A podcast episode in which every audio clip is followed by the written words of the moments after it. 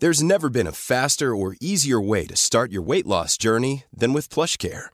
PlushCare accepts most insurance plans and gives you online access to board-certified physicians who can prescribe FDA-approved weight loss medications like Wigovi and Zepbound for those who qualify.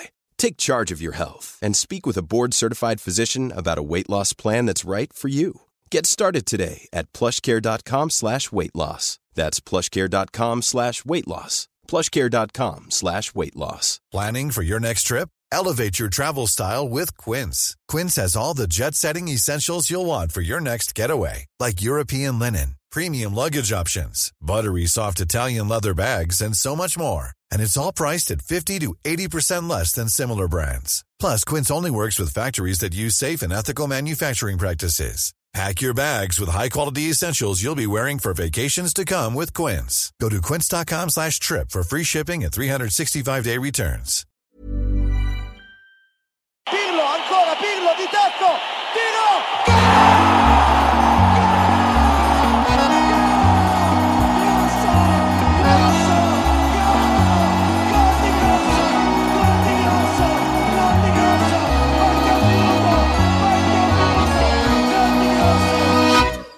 Då är det ju ett sant och ett varmt nöje att hälsa er välkomna tillbaks till Calcio Amore Podcast.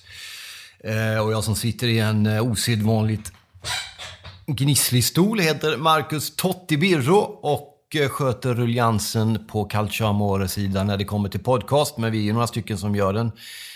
Det är bland annat Patrik som sköter grafik, det är Anton Avenäs som klipper, det är Freys hotell och Hotell Lilla Rådmannen som är med och sponsrar. Det är Oddsbaren som producerar och tillhandahåller allting och gör detta möjligt. Och det är också dessutom och kanske faktiskt framförallt du och ni som lyssnar och är med i Facebookgruppen som gör detta tillsammans med oss allihopa. Och vi gör det ju för att vi förälskat oss så grundligt, så eh, noggrant och så eh, genomträngande starkt eh, Eh, i den italienska fotbollen. Vi kommer från olika håll, vi kommer från olika bakgrunder, vi har olika favoritlag, men vi har ett gemensamt och det är kärleken till Italien till Serie A, till laget vi älskar och till ligan vi älskar. Och eh, i, den här, i det här sammanhanget som vi valt att kalla Calcio Amore, det är ingen slump att det heter Calcio Amore. Amore som kärlek, som ni säkert vet, det har ingenting, inte bara i alla fall, att göra med att jag gav ut en bok för något år sedan som hette just Calcio Amore. Utan det är, det är en, tanken är och var från början att det skulle vara en samlingsplats där man skulle kunna se mer det som förenar än det som skiljer oss åt. Det som skiljer oss åt vet vi om. Vi vet om våra lags skillnader, vi vet om vilka, vad vi tycker är viktigast och varför vi älskar det laget vi gör. Men vi försöker ha överseende med att andra människor inte riktigt har fattat det, att det är Roma som är bäst, va? trots att vi bara kryssar mot Kiev och sånt där. Men eh, vi har överseende med det och vi lyckas och kan traska till den här mötesplatsen med våra bagage och ställa ner vårt bagage utan att någonsin tappa det med blicken. Men vi kan ändå möta andra människor som kommer till samma marknadsplats med eh, ett annat typ av bagage. Därför att marknadsplatsen i sig förenar oss, det vill säga Italien. Och Serie A. Och i det här avsnittet så tänkte jag att vi skulle ha lite Juventus-fokus och då kommer det bli lite personligt eftersom min farsa håller på Juventus och eh, jag är uppväxt med den klubben på på väldigt många olika sätt. Så att jag tänkte att vi skulle ta ett Juve-fokus med då eh, ingången Cristiano Ronaldo som är den glittrande valvliknande ingång som numera är Juventus. Eh, och det finns ju så oändligt mycket att prata om när det gäller Juventus. Det kommer inte hinnas med i det här avsnittet, men vi kommer hinna med en del av det. Jag vill redan nu också tacka för responsen igår på Calciamore TV. Varje söndag klockan 20 drar vi igång i all enkelhet ett, eh, Facebook -TV, på Facebookgruppen ett litet tv-program som vi valt att kalla till för Calcio Amore TV där vi surrar lite grann om omgången som precis spelats och matchen som kommer på kvällen där. Vi kommer kasta in ett sånt, eller jag kommer kasta in ett extrainsatt sånt här, extrainsatt sånt här program under eh, veckan som kommer här nu, tisdag eller och onsdag. Vi får se när det blir med anledning av Champions League-matcherna som drar igång i veckan här. Eh, Så att eh, vi kommer inte att komma in speciellt mycket på just de matcherna. Vi kommer naturligtvis att kolla upp dem och se vilka de är och så, men det kommer tas ett större livegrepp på Facebookgruppen inför de matcherna och när de spelas kanske till och med. Eh, utan det kommer bli Juventus-fokus och eh, vi gör det när vi har gått igenom omgången som vi naturligtvis måste börja med att göra. Och då gör vi det genom att kolla på hur de slutade matcherna i denna den fjärde omgången. Eh, vi började ju då med kvälls, eller förlåt, lördagsmatchen klockan 15. Snackade om det i söndags lite där. Det var ju, det är ju fantastiskt. San Siro är en otrolig arena. Det är verkligen som ett sånt dallrande rymdskepp. Framförallt på kvällarna Jag har haft glädjen och stoltheten och allt möjligt skit sånt där. Att ha jobbat på San Siro under de här derbykvällarna. Och det finns få platser på jorden som är lika euforiskt magiska som San Siro en novemberkväll. Eh, du vet när dimman bara drar in där och man känner att eh, du vet, det är derby mellan Milan inte. Man har de här tifoväggarna som kläs på respektive kurva. Man ser hur arenan liksom bara fylls med folk, fylls med värme, passion, känslor, förväntningar, förhoppningar. Och när lamporna slås på och hela det här trycket börjar komma igång och det börjar rulla runt arenan så är det som om den lättar från marken verkligen. Det är, få platser som är mäktigare än San Siro under en novemberkväll när det är derbydags. Därför var det kul att se att eh, en eh, september eftermiddag klockan 15 en lördag mellan Inter och Parma så var det också otroligt mycket folk. Bra stämning och eh, ja, det är kul att se när San Siro är fullt med folk så är det kan det vara en av världens i särklass mäktigaste arenor. Dock kan man ju snacka en hel del om Inter. Det man kan säga där är att de fick stryk 1-0. Parma slår Inter i Milano för första gången på nästan 20 år. Senaste gången var maj 99. Och man gör det mot ett Inter som nu svajar rejält. Det har svajat från första början. Och det här är intressant. Man ser de italienska studieprogrammen som jag har glädjen att kunna göra varje söndag. finns det ett program som heter La Domenica Sportiva som har gått sedan 1800-talet. Typ varje söndag kväll i Raidoe går den grejen. Och där började de prata om det här som sker i inte nu efter några omgångar, redan efter den första omgången. Och det är fortfarande naturligtvis tidigt på säsongen och det är naturligtvis bara några, några omgångar som har gått. Men det är intressant att se och höra Marco Tardelli till exempel, då, en av världsmästarna från 82 för övrigt som var där och kommenterade Inter och såg ungefär det som hände nu, att det händer och att det, de får ingen styrsel på det. När det gäller Spalletti så är det ju en, eh, som jag ser det, en eh, duktig tränare men också en begränsad tränare. Han når en viss nivå och sedan har han inte nycklarna att ta sig vidare. Det är min känsla, därför att de nycklar han har dessutom just nu som man inte kan öppna en enda jävla dörr med, det är liksom inte vilka spelare som helst. Det är alltså nästan världsspelare på varenda position. Dessutom bra nyförvärv, fått ett år i klubben, borde ha lärt känna kulturen, staden, laget, allt allt det där lite till. Har fått behålla väldigt många bra spelare och har ju då fått köpa in och dessutom fått Nangolan och en del andra riktigt bra spelare. Får ändå inte till det. Som sagt, det har bara gått fyra omgångar. Så det är mycket, mycket, mycket kvar. Men det ser ju naturligtvis inte bra ut och frågan är hur länge Inter kan vänta. Nu väntar ju då tuffa matcher i Champions League i helgen, eller förlåt, i veckan som kommer här. Vi ska komma in på det.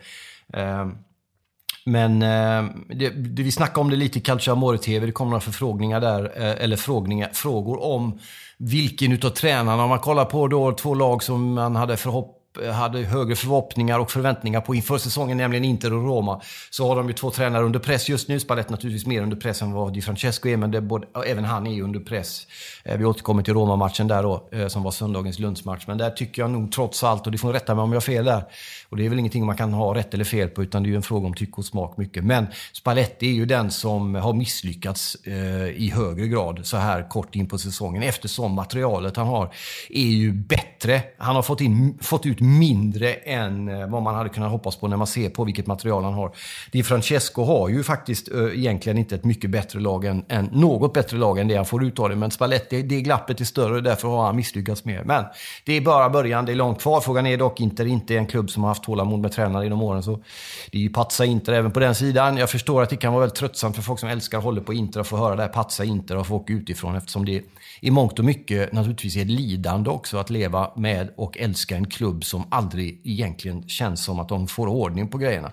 Och när de då, som man säger på slalomspråk, får ordning på grejerna va, så vinner man ju allt. 2010 lyckades man med Mourinho som tränare och en del andra stjärnor som stod rätt. Men framförallt med väldigt hårt arbete och det var ett resultat av inte bara Mourinho och en massa andra saker som kom in utan ett tålmodigt av Moratti, dåvarande presidenten, tålmodigt konsekvent, disciplinerat och ofta ganska lågfrekvent arbete. Alltså sånt som inte märks utåt så mycket under väldigt lång tid, ska vi säga. Så att det som hände i 2010 när Inter vann både liga, cup och Champions League och allt möjligt där, det var ju inte bara någonting som hände utan ett resultat av ett konsekvent och målmedvetet arbete. Den konsekvensen ser man inte hos Inter efter det. Eh, och det var som att man hade kraftansamlat och verkligen kört hela linjen ut och lyckats liksom, och fick då till det ordentligt under den här, eh, under den magiska säsongen 2010 under Mourinho. Så eh, svajigt naturligtvis för Inter. Vi får se hur det går. Spalletti kommer väl få sitta kvar ett tag till där. Eh, de har väl förtroende för honom. Eh, återstår att se dock vad fansen tycker och tänker kring det där. Hör av er gärna med synpunkter om det eh, när ni hör detta, om vad ni tycker om att Inter borde göra så här kort in på säsongen. Kul för Parma dock! Som ju startat säsongen sådär, eh, nykomlingar och eh, har haft det tufft i början att få den här segern borta mot Inter. Det, är naturligtvis är svårt att, att, ens förstå betydelsen av den här matchen. Det, det är ju eh, otroligt viktigt och kul för Parma och för ligan möjligen också då, om man inte håller på Inter såklart. Jag ska säga det också ärligt att jag var en av dem som trodde på Inter att de skulle utmana Juventus i år. Det går ju naturligtvis fortfarande. Det finns naturligtvis möjlighet att det kan bli så, men det, har ju, det ser ju svajigt ut. Som man säger, så han eh, tog en klunk, tog en klunk subtilt kolsyrat mineralvatten. Mm. Sen krigar vi oss fram till Napoli då, Neapel, Napoli-Fiorentina. 1-0 till Napoli. Några sekunders eh, fantastiskt eh, fotbollsgodis eh, signerat Lorenzo Insigne i den matchen. Ska säga det då att det var glest på läktarna och det är det ju för att supportrarna, delar av dem, eh, bojkottar, eh, krigar, eh, är i strid med ledningen. De Laurentiis, som har varit president i Napoli under ganska lång tid, träffade honom faktiskt ihop med Paolo Roberto och några andra när han var på Sverigebesök eh, för en tio år sedan någonting. Det var Napoli, någon svensk Napoli-fanklubb där. Ni som var med då, ni får gärna höra av er och berätta exakt vilka det var som hade bokat hit honom i en form. Och han jobbar ju med film också, eller har gjort åtminstone, så han var där i någon filmegenskap och då passade han på att... Eller om han kanske till och med var bara inbjuden av den svenska Napoli fansgruppen att komma och vinka och säga hej och sånt där. Och var tydligen en riktig diva. Jag vet inte, jag hann se honom några minuter bara och skakade hand med honom och han såg väl sådär lagom ointresserad ut också. Så var det med den saken. Eh, Napoli i alla fall då eh, slår Fiorentina 1-0. Viktig seger, studsar tillbaks efter 0-3 innan uppehållet här i, i landslaget. Så fick man ju stryk mot Sampdoria borta med 3-0. Napoli vinner 1-0 och också viktigt tror jag för Ancelotti att kunna vinna på det sättet som han vinner på i den här matchen. Eh, ser inte speciellt bra ut, ser fortfarande inte stabbigt ut och man ger dock inte bort någonting som man har gjort i varenda match utav de tre tidigare. Eh, Eh, Eh, och eh, vinner då den här matchen och hakar på, får man väl säga då, tåget i toppen där. Fiorentina som har, bara, har en match mindre spelad med tanke på att de var ett, eh, mötte Genoa-lag där i början av säsongen. En match som sköts upp med anledning av motorvägsbron som rasade. Eh, gjorde en hyfsad och helt okej okay match mot Napoli. Man ser att de är ju jämnstarka ungefär, men orkar inte riktigt. Och någorlunda, lite fattigare eh, anfallsspel också. Chiesa, Simone. Simeone var inte bra i den matchen. Han har fått väldigt mycket cred och det ska naturligtvis ha. Det är en otroligt bra och lovande spelare på alla sätt och vis. Men eh, inte riktigt bra borta mot Napoli. Frosinone Sampdoria 0-5. Sampdoria har nu 8-0 på, på två matcher. Och har startat på absolut bästa tänkbara sätt och det glädjer ju oss. Vi går in på lunchmatchen på söndagen där, när eh, Roma tar ledningen 2-0 mot Kievo. Och kan bara konstatera att det är Robin Olsen som räddar Roma. Robin Olsen räddar Roma. En allitteration nästan där med olika bokstäver som börjar på samma sätt. Det är en allitteration för er som undrar den grejen. Eh, Roma leder 2-0 och ser ut som att de naturligtvis tänker att ah, men det här är ju bra då. Och så möter man Kevo som inför matchen om minus 2 eftersom man åkte på minus 3 i någon form av straffförläggande eh, från förbundet under veckan. Hade en poäng eh, tagen av eh, i de första tre omgångarna och har ju nu då minus hade minus två inför den matchen, har nu minus ett. Kevo kommer tillbaka och man gör det mot ett Roma-försvar som ser fruktansvärt ihåligt ut. Och det är inte bara försvarslinjen som ser ihålig ut. Det är hela den skadade ryggraden i Roma från anfall och ner i backlinjen. Den delen som ska jobba tillbaka på, på, i försvarslinjen. Ingenting fungerar. Det ser stabbigt ut, ser dåligt ut. Det, det, det är helt enkelt under all kritik som vi sa på 90-talet när någon läste sin obegripliga jävla dikt. Det är under all kritik. Robin Olsen kunde väl möjligen ha tagit ett av de där målen. Han var på den, han borde kanske med sin längd och sin spänst ha lyckats tippa den. Men det vägs ju upp av den räddningen. När det då står 2-2 i slutet, Roma tappar 2-0 till 2-2 mot den totala megajumbon Kievo från Verona så kommer Giaccherini som är alldeles för bra för att spela i Kiev. Han är ju fantastiskt bra, Giaccherini. Eh, för er som kommer ihåg EM 2016 där, när Bonucci slog en fullständigt makalös jävla passning över hela planen. Rakt på fötterna på Giaccherini som tog med sig den med ett tillslag och sen dunkade in 1-0 mot Belgien i den där gruppspelsmatchen där. Eh, det var den gode Giaccherini. Han eh, kommer i ett favoritläge, om man tänker vänstra delen av straffområdet, arbetar sig inåt, ska skruva den bort. Och grejen med Giaccherini när han skruvar, det är att han har både kraft och precision och elegans i det han gör. Så att han får en otroligt tryck på bollen när den lyfter och går mot eh, Robin Olsens vänstra kryss. Robin Olsen sträcker ut och lyckas precis tippa den och i ribban, överliggaren och ut eh, i den 95 eh, matchminuten var det. Och Roma var alltså då nära att tappa varenda poäng mot Kiev hemma. Lyckas nu då ta en poäng tack vare Robin Olsen och så går vi vidare från den jävla skitmatchen. Och tänker att Genoa slår Bologna 1-0. Stökig match naturligtvis för Pippo Inzaghi som har det riktigt tufft. En poäng och ligger fast i botten. Nu finns det väl tålamod, eh, men det fanns ju naturligtvis också förväntningar på att de skulle göra det bättre än så här, Bologna. Men eh, Genoa vinner 1-0, tung, viktig seger naturligtvis. Juventus sen då, som vi kommer att komma in på mycket mer så småningom här efter vi har gått igenom matcherna, eh, eftersom det är Juventus fokus i det här programmet, slår Sassuolo 2-1. Och det man kan säga om den matchen är några saker. Det är Costa som Eh, spottar en motståndare i ansiktet och detta kommer att prövas av TV-nämnden som kommer att ta upp det här och han kommer få ett visst antal matcher, veckor, eh, eh, avstängning för det där. Eh, han var ju stökig redan innan spottlosskan, höll på att skalla fram och tillbaka och knuffades och, och rundade då av sin eftermiddag med den där grejen. Och eh, som jag sa innan, både på Calciamore TV och som vi kommer komma in på sen när det gäller vilken klubb som Juventus är så är det nog här någonting som naturligtvis inte kommer gå ostraffat eller heller i den föreningen. Så det gör man fan inte bara alltså. Så eh, det var ju det ena om den grejen. Det rent fotbollsmässiga var ju att Cristiano Ronaldo då fick göra sitt första mål och när han ändå gjorde det så passade han på att göra ett till. Så han har nu gjort två, men han borde ju ha gjort fyra eller fem i den matchen. Så många chanser hade han. Och vilka chanser han hade sen. Det var som att han satte två och sen bara tänkte fan det här gör jag hur lätt som helst. Nu sätter jag två till. Men det gjorde han inte. Han missade lika mycket som han gjorde mål faktiskt, den gode Cristiano Ronaldo. Vi återkommer till honom så småningom i det här programmet när vi går in i vår brutala Juventus-era. Som vi ska grotta ner oss i om en stund. Sassuolo stod emot hyfsat bra. Framförallt de första 20 så stod man upp bra, vågade spela sitt spel, var otroligt bolltrygga, höll i bollen i försvarslinjen. Eh, förivra sig inte, lät sig inte pressas, stressas allt för mycket av Juventus forcering. Eh, eller Juventus eh Eh, Eh, anfallscheck, utan man hade bollen i försvarslinjen, lyckades hålla den och, och, och, dessutom till och med pressa lite grann Juventus när de hade den i backlinjen. Så bra ut, orkade inte riktigt stå emot hela vägen. Som fallet nästan alltid är med lag som möter Juventus och så ser det bra ut ungefär 60 minuter drygt. Men i slutet så är Juventus starkare. Det är lite den känslan som är, både när det gäller hela ligan men också match för match när det gäller Juventus. Udinese-Torino 1-1, Empoli-Lazio 0-1. Eh, viktig seger för Simone Inzaghis Lazio som ju startade knaggligt med två raka förluster. Hemma Napoli, borta Juve. Har nu börjat plocka lite poäng och klättra lite i tabellen. Och Cagliari Milan 1-1. Eh, Cagliari tog ledningen där och eh, eh den gode Iguain va, Eh, stänker dit eh, kvitteringen för Milan borta mot Sardinien. Något av en missräkning ändå. Det är många som fått upp hoppet när det gäller Milan. Det kommer att komma en brutal Milan-extra också för övrigt under det här programmet. Eh, Nej, inte i det här avsnittet, men i den här podden lite längre fram under hösten. Vi kollar tabellen. Och kan då konstatera att det är ju några lag som bara spelat tre matcher. De som ligger i toppen har dock spelat fyra av naturliga skäl. Och det är Juventus som leder då med fyra eh, matcher spelade, fyra vunna. Eh, det man kan notera när det gäller Juventus är att man har gjort nio, men faktiskt släppt in fyra. Eh, trots allt. Eh, på andra plats har man Napoli på nio eh, poäng. Har ju då spelat fyra, tre segrar och så en förlust, nämligen den mot Sampdoria. Sassuolo är fortfarande trea trots förlusten igår. Och sen så har vi då eh, det spännande att Genoa-laget Sampdoria ligger på fjärde plats Eh, med 8-1 i målskillnad och 6 poäng. Men bara tre matcher. Man har alltså en match mindre spelad än både Sassuolo och Napoli. Vinner man den så är man ju tvåa då efter Juventus. Och har också en överkryssande målskillnad 8-1. Kul för Ekdal och hans Sampdoria. Sen har vi Fiorentina, också bara tre poäng. Spal, Genoa följer, tre poäng. Sen har vi Romlagen, Lazio, Roma, eh, Torino, Udinese, Cagliari, Atalanta. Milan på en 14 plats. Har också bara tre matcher spelat ska sägas. Eh, Inter ligger efter Milan. Inter ligger alltså på 15 plats med fyra matcher spelat.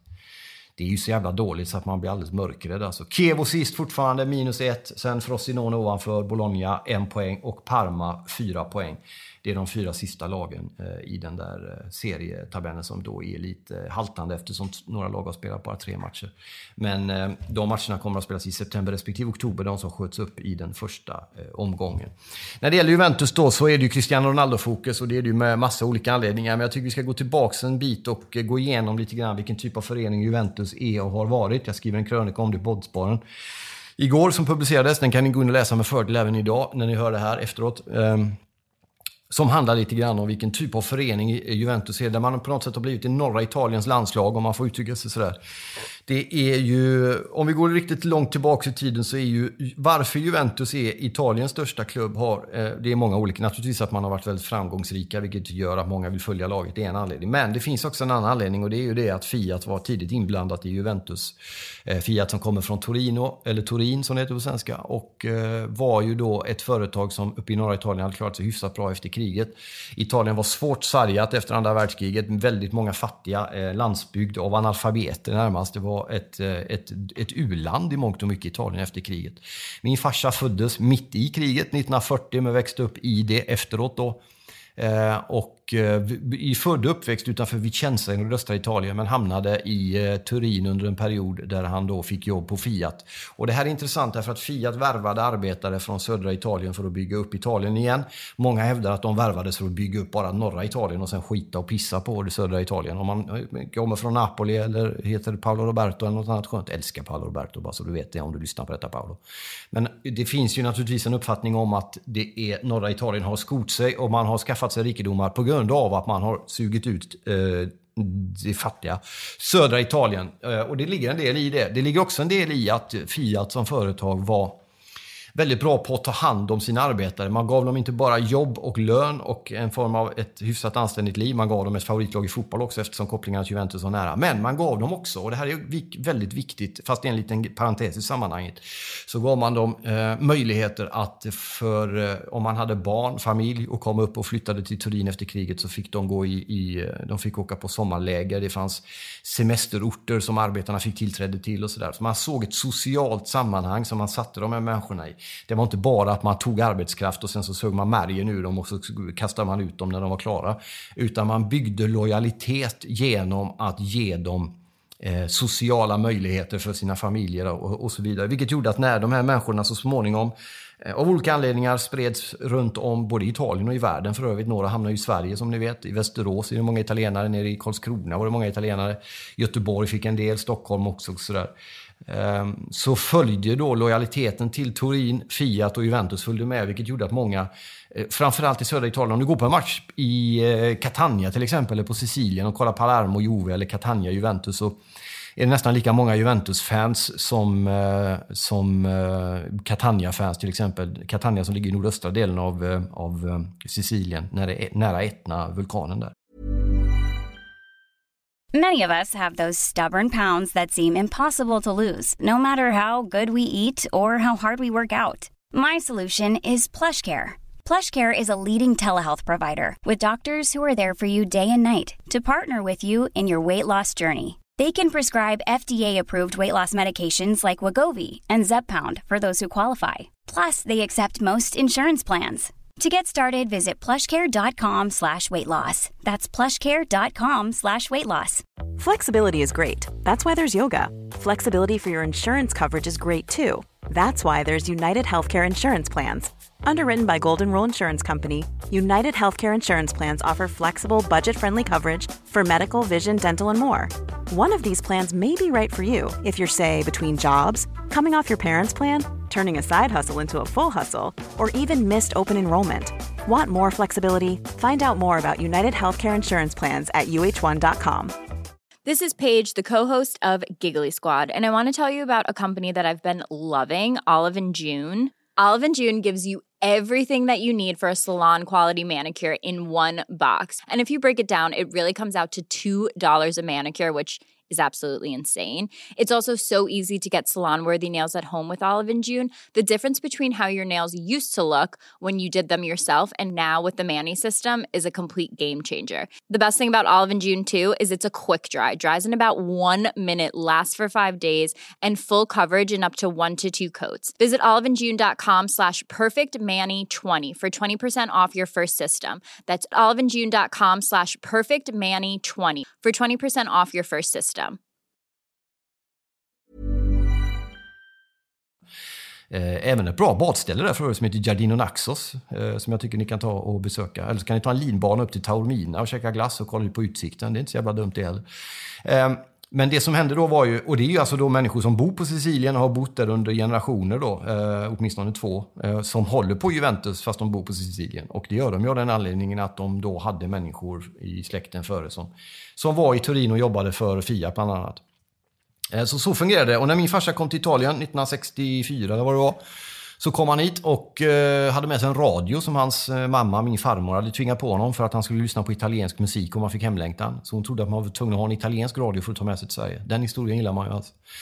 Eh, han blev bjuden hem, eh, han träffade min mamma. De bodde i baracker. De hade byggt sina tillfälliga baracker utanför SKF i Gamlestaden i Göteborg. Han jobbade på SKF där han var med och byggde upp eh, Sverige faktiskt. Ihop med andra svenskar, finnar, jugoslaver och en del andra sköna människor som jobbade stenhårt. Och däremellan var de ute och drack dåligt rödvin och försökte ta reda på om det fanns olivolja och vitlök i affärerna, vilket det knappast fanns.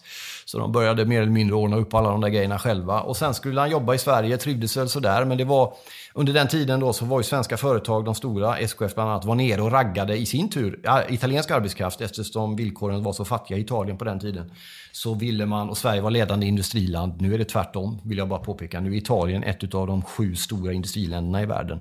Eh, så så kan det gå och det är inte Sverige. Men då var det tvärtom efter kriget. SKF satte upp skyltar ute på italienska eh, landsbygden där man raggade folk som ville komma, där man lockade med kom till fantastiska Sverige, ett oerhört vackert land, allt är bra, och fint, jobba hårt och få mycket pengar och sådär. Och det stämde ju delvis. Förutom att det var svinkallt och inte fanns god pasta och ingen olivolja och inget gott rödvin och, och, ja, ni vet, allt det som italienare älskar fanns ju knappast. Men han jobbade, han samlade in sina pengar som han eh, skulle samla ihop och sen skulle han åka hem igen till Italien var det tänkt. Men en kväll på Rondo i Liseberg så träffade han min mor och eh, blev förälskad i henne och åkte dock tillbaks till Italien eh, och flyttade hem men saknade henne och utan att berätta för någon åkte tillbaks till Sverige och gick av vid fel hållplats och hamnade i Kungsbacka vilket han fick ringa till min mamma och säga jag har gått av nu men jag är i Kungsbacka. Det är fel va? Ja, det är fel. Varför har du åkt tillbaks? För min mamma trodde att det var slut nämligen. Han hade sagt till henne att han skulle åka hem. Men han kom tillbaks och Eh, blev då så småningom kvar och blev svensk och öjsare. Men med sig hade han ju då kärleken till Juventus. Under tiden i Turin så blev han även hardcore Juve-fan. Han har bland annat åkt runt och kastat molotov-cocktails på poliser på bortamatcher. Vilket jag fick eh, ur honom efter en, eh, en sen middag på 90-talet någon gång. Och det rekommenderas ju inte alls. Jag vill överhuvudtaget inte rekommendera någon att kasta något mot någon. Men ska man inte kasta något först så ska man aldrig kasta molotov-cocktails på polis. Inte ens i samband med fotboll fotbollsmatcher. Men det gjorde han när han höll på som värst. Han var ingen huligan på det sättet, men han var lite stökig eh, ultras kan man väl säga under en period, den gode pappa. Eh, men då fick man ju naturligtvis det Juventuska med sig. Och eh, om det kan man säga mycket. Eh, det fanns en period, jag vet jag nämnde det i något annat sammanhang i podden här, men i början av 80-talet så eh, när Italien hade vunnit VM 82 så skickade jag, för då spelade ju nästan hela landslaget i Juventus på den tiden. Det är ungefär samma nu. Eh, nu var det i och för sig faktiskt på det sättet att matchen mot Portugal, man fick stryk, var första på, över, på runt 20 år var det va? Eller om det var något kortare. Ja, det var i alla fall första matchen på väldigt länge som ingen spelare från Juventus var med. Och sen gick det ju som det gick också. Var det många som sa. Framförallt om man höll på Juventus. Ehm, men ehm, då fick jag skicka, för jag ville ha autografer på de, eh, de som hade vunnit VM, då, italienska spelarna. Och då fick jag rådet att skicka till Juventus, för många av dem var där. Och jag skickade ett långt brev dit, pappa hjälpte mig att skriva.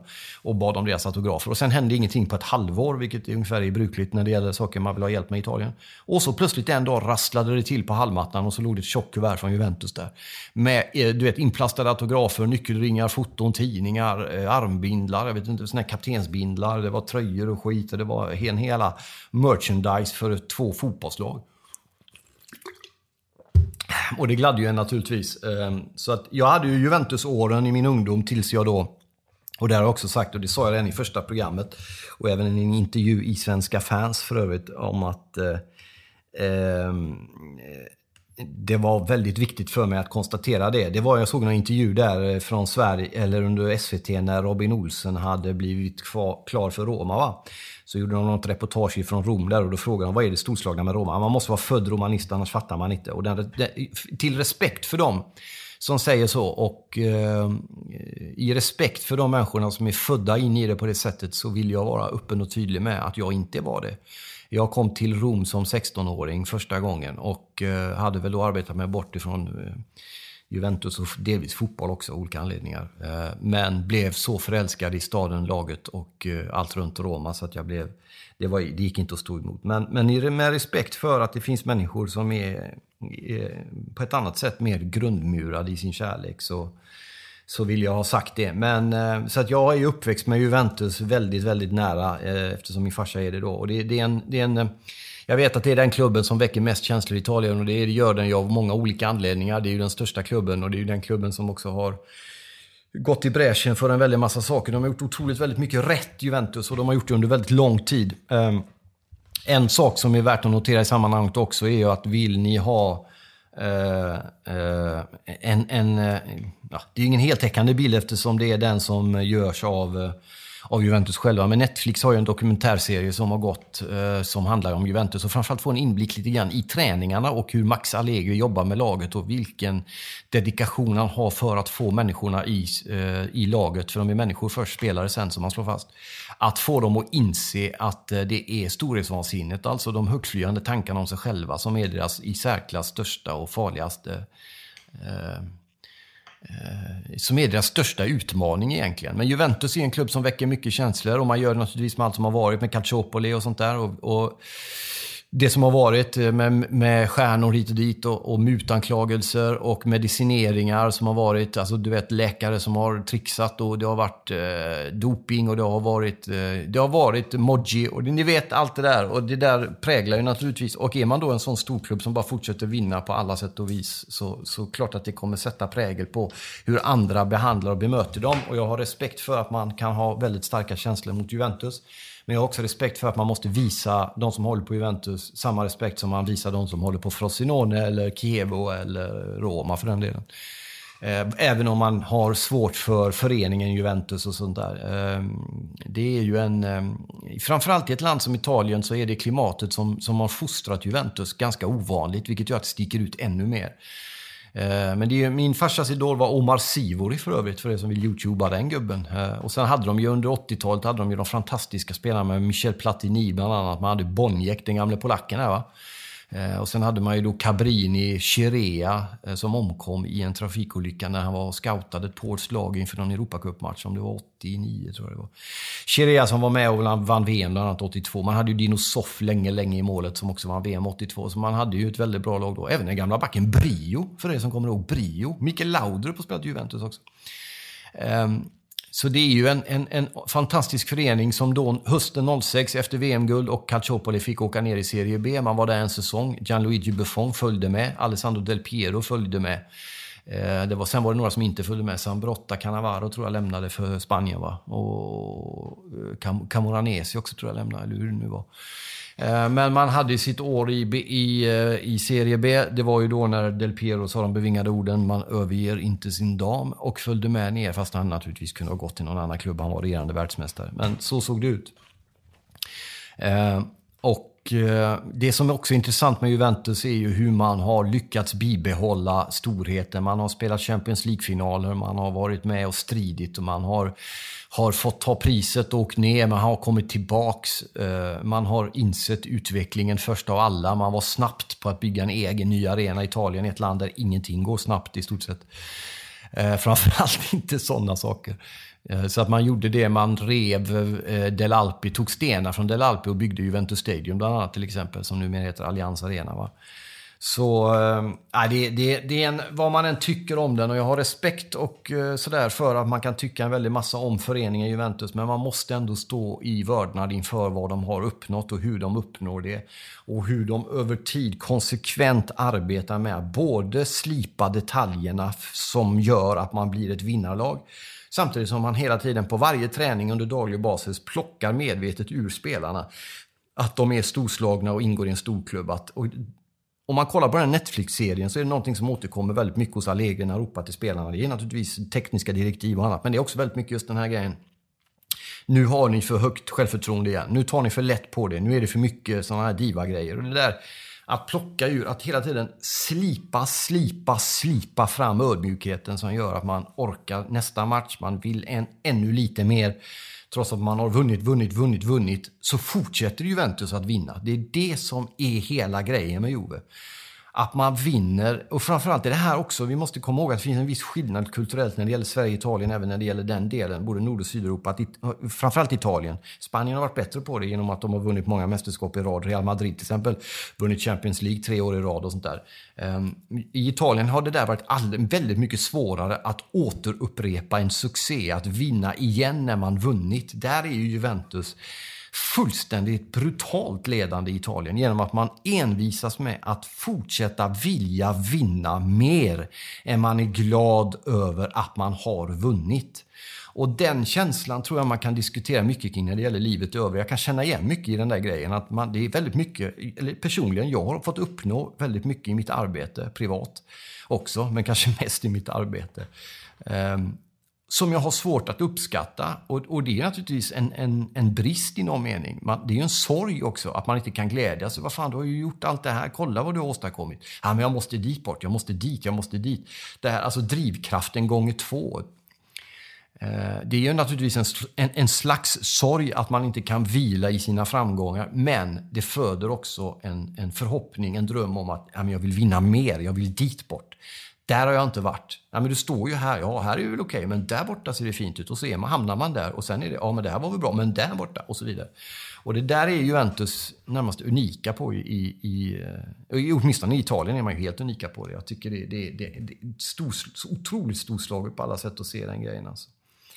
Eh, och då detta med Cristiano Ronaldo i Juventus. Det är, jag tycker ju det är fantastiskt att se eh, hur han eh, har nu då trätt in i den här vad ska vi säga, ja, det, det, det, är skillnad att, eh, att spela i Juventus i Italien än att spela i Spanien. Men jag har stor respekt för spansk fotboll naturligtvis. Det är, det är ju inget snack om den. Real Madrid vet vi. Men när det gäller ligaspelet på veckobasis så finns det fler lag som har bättre försvar i Italien än som har det i Spanien. Sen är det också en skillnad för honom. Han har inte varit runt så där otroligt mycket ändå, Ronaldo. är Portugal, England, Spanien. Och nu kommer han då till ett nytt land, Italien. Det är klart att det tar lite tid. Det tog tre omgångar och där. Sen blixtrade han till med två mål. Men också det där att han inte riktigt har skärpan att sätta alla chanser han har fått. Han har missat en del av de tidigare matcherna och emot Sassuolo här i helgen så missade han ju två, tre superlägen som han borde ha gjort mål på. Så han borde egentligen ha kommit ikapp eh, och gjort ett mål per match om han hade satt två till där. Han har ju haft ett facit på vet, fem mål eller vad det var. Nu har han två efter fyra. Ehm, så han kommer naturligtvis att börja accelerera fullständigt kring det där nu då. Ehm, så det ska bli spännande att följa Cristiano Ronaldo. Vi är mycket snack om honom, om han är hatad och bla bla och sådär. Många tycker, jag hade min farsa i helgen, för apropå pappa Birro då, han var här i helgen en sväng och hälsade på. Vi kollade match mot Sassuolo och han säger att Ronaldo är svår att tycka om och sådär. Han är en diva och sådär. Men då, jag tycker det är lite slentrianmässigt. Cristiano Ronaldo är säkert en diva, liksom alla världsstjärnor på den nivån han är i. Han är ju större, larger than life. Liksom. Han är större än sporten, större än klubben, större än allt. Han är, då är det klart att då blir man ju snurrig i huvudet. Men är det någon klubb och är det någon tränare som kan plocka ner en sån människa och få honom att leverera på, på en mer mänsklig nivå när det gäller det sättet att tänka så är det ju Juventus och Max Allegri.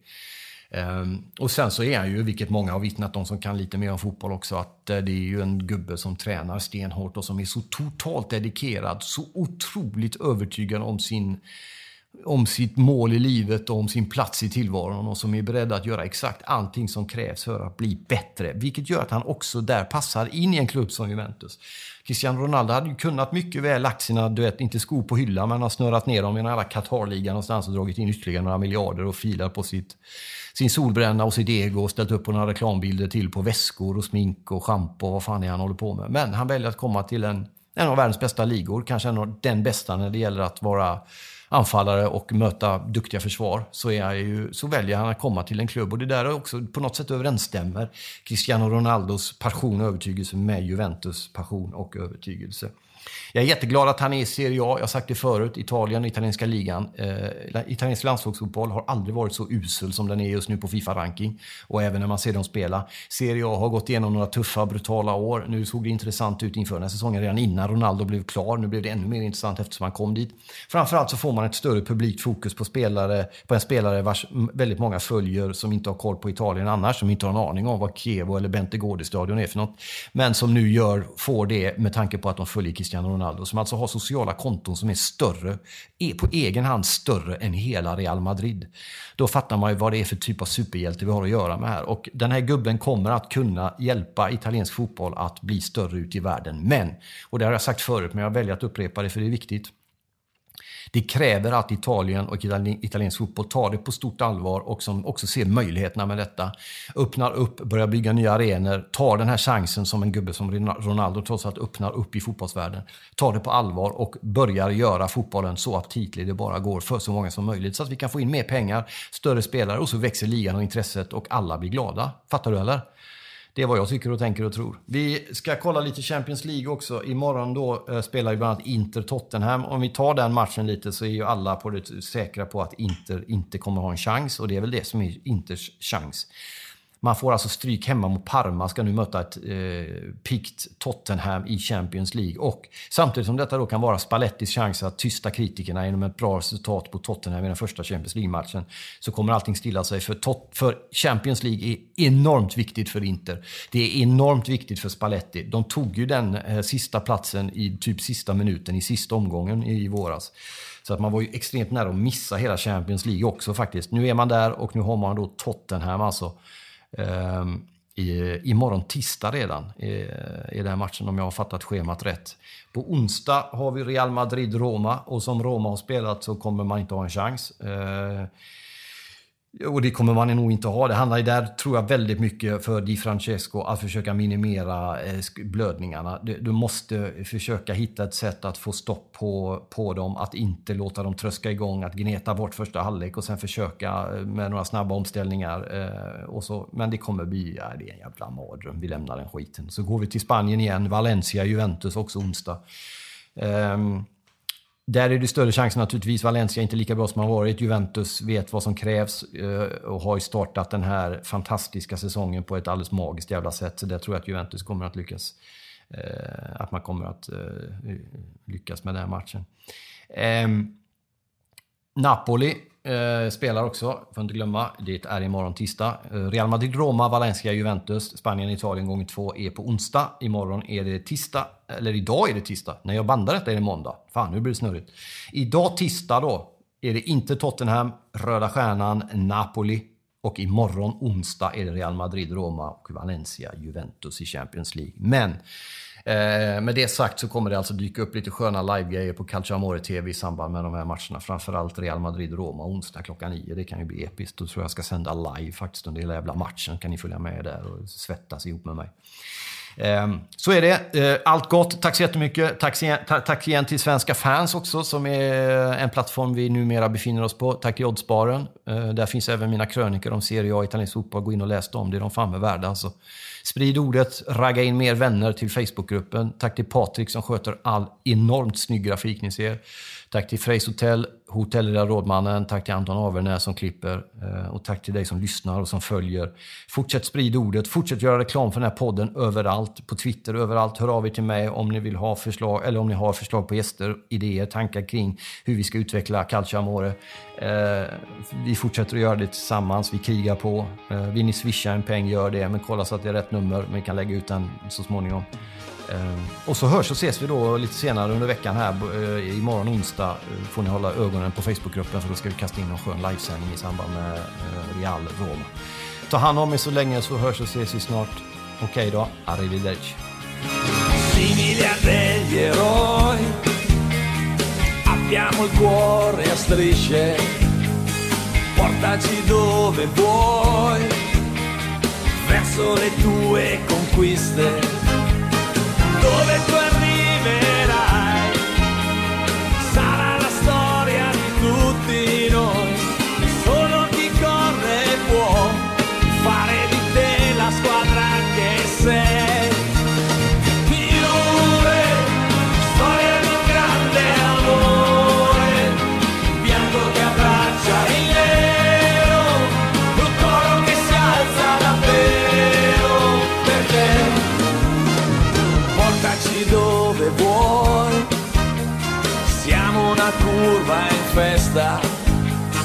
come un abbraccio noi,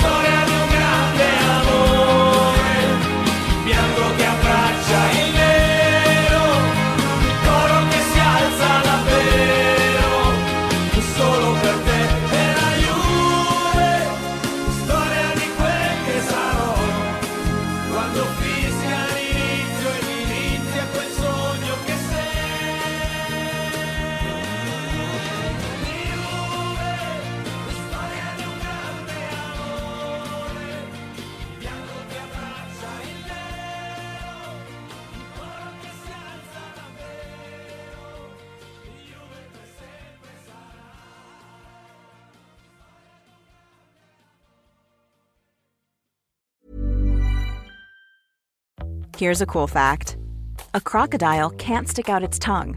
Another cool fact you can get short term health insurance for a month or just under a year in some states. United Healthcare short term insurance plans are designed for people who are between jobs, coming off their parents' plan, or turning a side hustle into a full time gig. Underwritten by Golden Rule Insurance Company, they offer flexible, budget friendly coverage with access to a nationwide network of doctors and hospitals. Get more cool facts about United Healthcare short term plans at uh1.com. Even when we're on a budget, we still deserve nice things. Quince is a place to scoop up stunning high end goods for 50 to 80% less than similar brands. They have buttery soft cashmere sweaters starting at $50, luxurious Italian leather bags, and so much more. Plus, Quince only works with factories that use safe, ethical, and responsible manufacturing. Get the high-end goods you'll love without the high price tag with Quince. Go to quince.com/style for free shipping and 365 day returns.